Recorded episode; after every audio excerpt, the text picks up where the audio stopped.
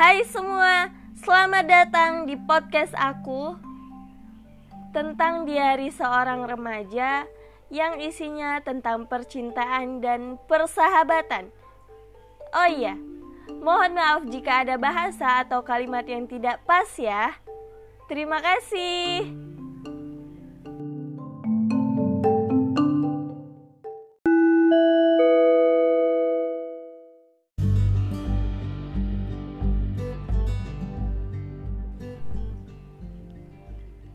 Waktu itu aku pernah bercerita sama temanku tentang pria yang menyukaiku dan bagaimana sikapku setelah dia menyatakan perasaannya.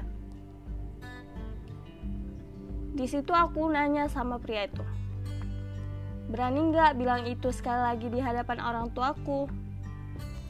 Lalu dia menjawab, bukan aku nggak berani, hanya saja belum waktunya untuk aku melakukan itu.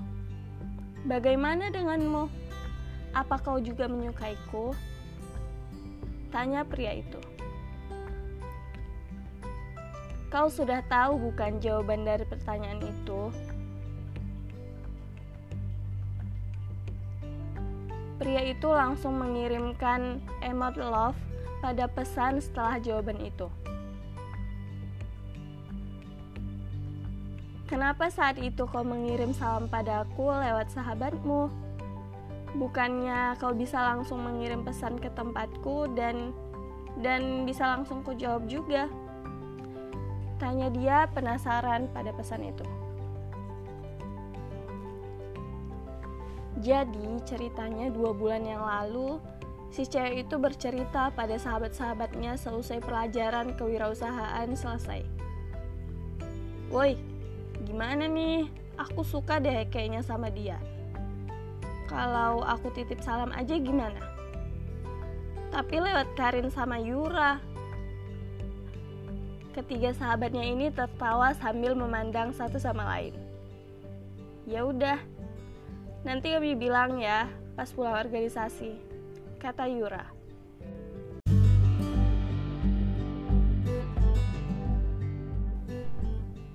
Sebagai orang yang mengirim salam, ia selalu terngiang akan titipannya itu pada sahabatnya. Ia hanya takut jika mereka menambahkan kalimat yang tidak ada dari apa yang dipesankan, dia pasti akan sangat malu saat nanti berpapasan dengan pria itu.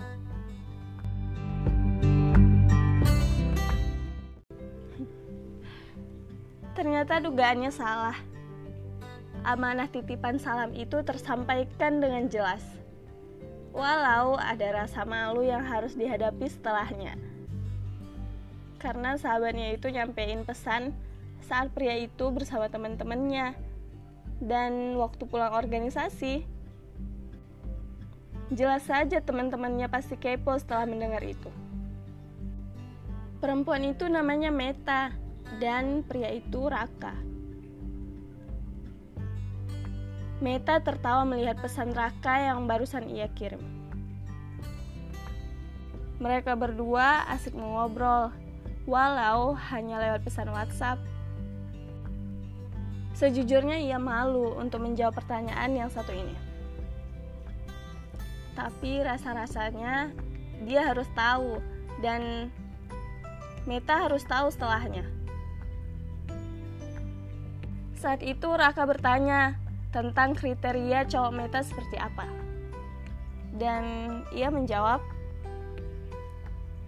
cuman baik, soleh, sayang sama orang tua, dan gigi aja. Terus Raka juga pernah bilang, kalau tanggal 32 gimana ta?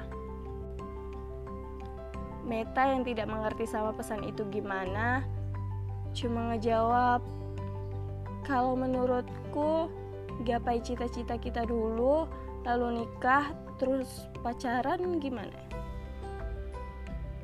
Seru tuh. Tapi waktunya masih lama ta. Iya kalau kita jodoh. Kalau kamu bukan jodohku nanti gimana? Sia-sia dong. Jawab Raka lesu. Gak ada yang sia-sia untuk menghindari zina, Kak. Aku percaya kalau kita sama-sama saling percaya dan berkomitmen insya Allah berjodoh. Kalau tiba-tiba pas kamu kuliah nanti kamu jadi lupa sama aku gimana ta? Kak kita saling terbuka ya. Saling terbuka kalau kamu ada apa-apa cerita dan aku juga begitu. Kalau nanti aku berubah tiba-tiba pasti ada yang salah dengan kita berdua Tegur aku jika aku yang salah dan aku juga begitu terhadapmu. Ya, gak seru deh. Jawab dia yang ketahui itu adalah jawaban kecewa seorang laki-laki.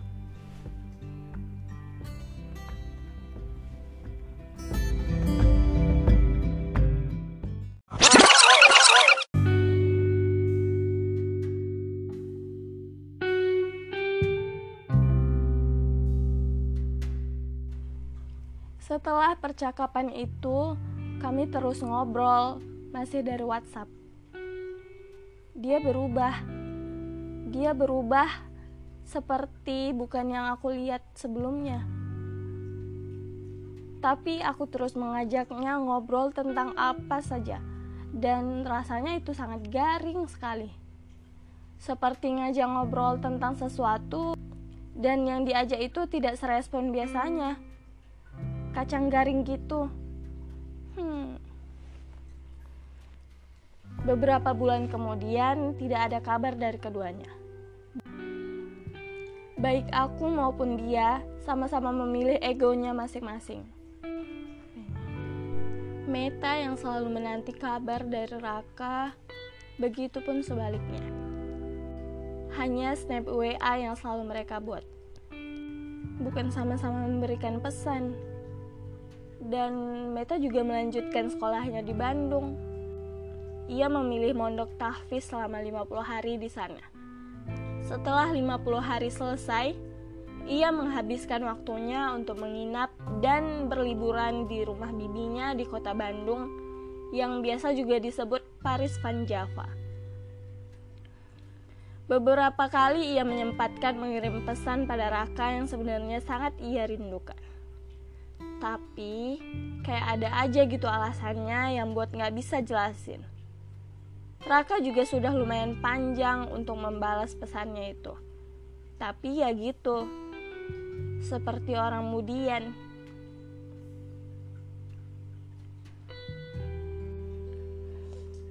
Rasa sayang, cinta itu penting sebenarnya. Tapi kalau tidak tepat sasarannya, seperti ada saja rintangannya. Orang tidak akan benar-benar tahu jika dia menyukaimu kalau hanya bicara lewat pesan WhatsApp. Karena yang dibutuhkan dari sepasang orang yang saling menyayangi itu bertemu, tidak dari pesan singkat saja. Dan itu jadi masalah terbesar Meta dan Raka sekarang. Percaya dan komitmen tidak lagi menjadi penopang dari mereka berdua. Raka memilih perempuan lain untuk menggantikan posisi Meta yang masih gantung di hatinya.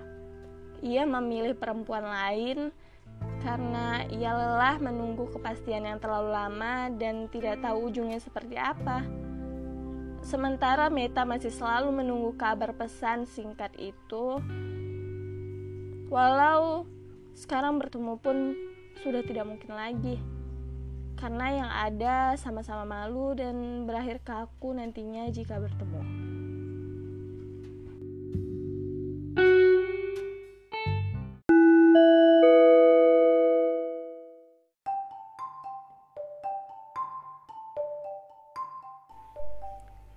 Terima kasih sudah mendengarkan cerita aku. Semoga kalian bisa suka dengan ceritanya. Bye.